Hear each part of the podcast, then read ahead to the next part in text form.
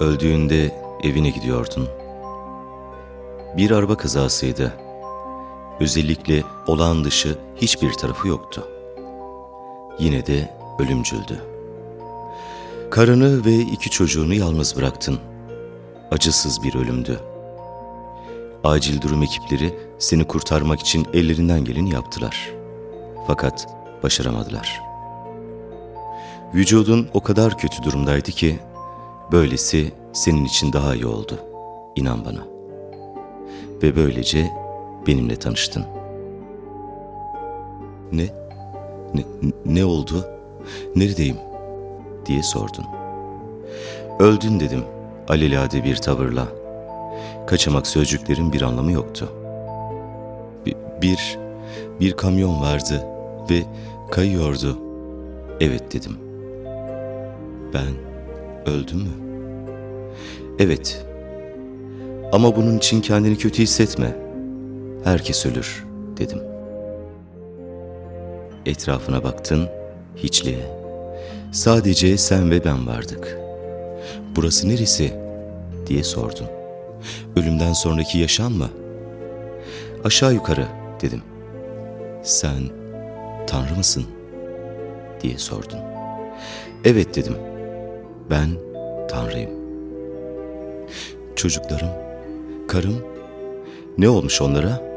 İyi olacaklar mı? Bunu görmek hoşuma gidiyor dedim. Az önce öldün ve en büyük endişen ailen. Bu oldukça takdir edilisi. Bana büyülenmiş gibi baktın. Sana göre ben Tanrı'ya benzemiyordum. Ben sadece sıradan bir adam gibi görünüyordum. Ya da muhtemelen bir kadın. Belirsiz bir otorite figürü belki de. En yüceden ziyade bir dil bilgisi öğretmeniydim senin için. Endişelenme dedim. Onlar iyi olacaklar. Çocukların seni her yönünle kusursuz hatırlayacaklar. Seni küçük görmeye başlayacakları kadar zaman geçirmediniz birlikte. Karın ağlayacak.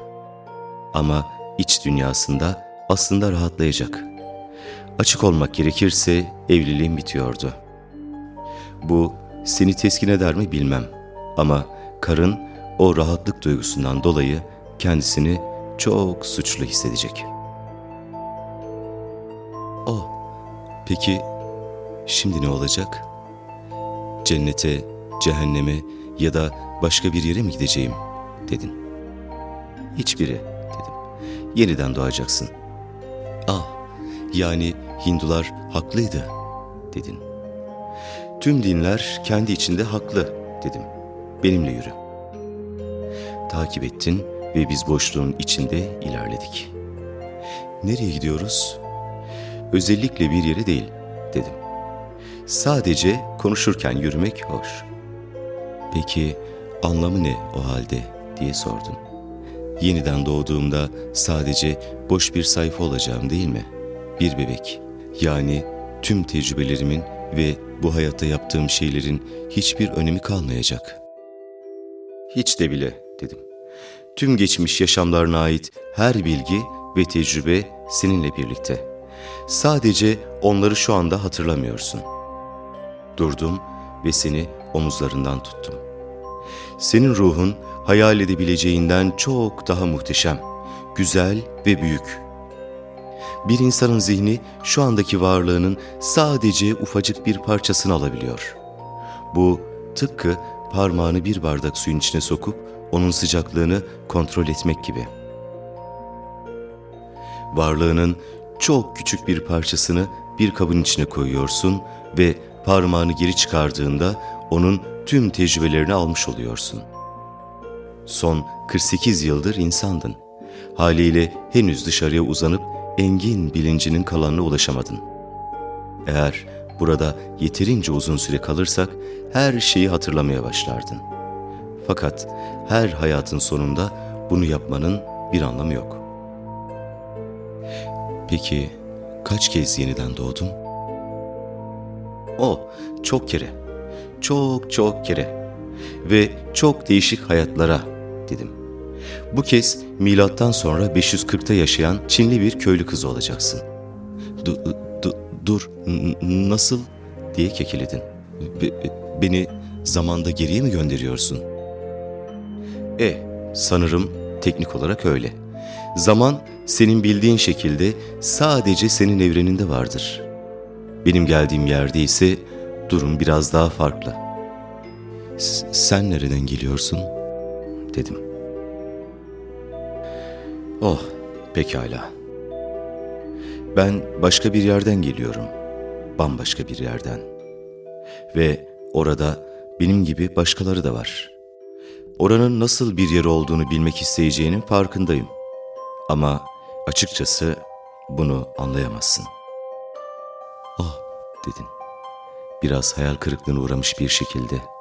Ama bekle, eğer zaman içinde farklı yerlerde yeniden doğuyorsam bir yerde kendimle karşılaşabilirim. Kesinlikle. Her zaman oluyor. Ve her yaşam sadece kendi varlığının bilincinde, dolayısıyla sen bunun olduğunun farkında bile değilsin. Peki hepsinin anlamı nedir? Hakikaten mi? Diye sordun. Yani gerçekten bana hayatın anlamını mı soruyorsun? Sence de bu soru biraz klişe değil mi? E, yani bu mantıklı bir soru diyerek sorunda ısrar ettin. Gözlerinin içine baktım. Hayatın anlamı benim bu evreni yapmış olmamın sebebi senin olgunlaşman. İnsanoğlundan mı bahsediyorsun? Bizim olgunlaşmamızı mı istiyorsun? Hayır, hayır. Sadece senin. Bu evreni sadece senin için yaptım. Her yeni hayatınla büyüyor, olgunlaşıyorsun ve zekan artıp genişliyor. Sadece ben mi? Diğerlerine ne olacak? Başka kimse yok, dedim. Bu evrende sadece sen ve ben varız. Bana boş boş baktın. Ama, ama dünya üzerindeki diğer insanlar? Hepsi sensin. Senin farklı hayatların. Bekle, ben herkes miyim? Şimdi anlıyorsun, dedim sırtına bir tebrik şabla atarak. Yaşamış her insan benim, öyle mi? Veya yaşayacak olan her insan, evet. Ben Abraham Lincoln muyum? Ve onun katili John Wilkes Booth'sun diye ekledim. Ben Hitler'im dedin dehşetle. Ve onun öldürdüğü milyonlarsın. Ben İsa'yım. Ve onu takip eden herkessin. Sustun. Birilerini her mağdur edişinde dedim, kendini mağdur ediyordun. Yaptığın her iyilik sana yapılmıştı. Herhangi bir insan tarafından tecrübe edilmiş veya edilecek her mutlu ve hüzünlü an sana ait. Uzun bir süre düşündüm.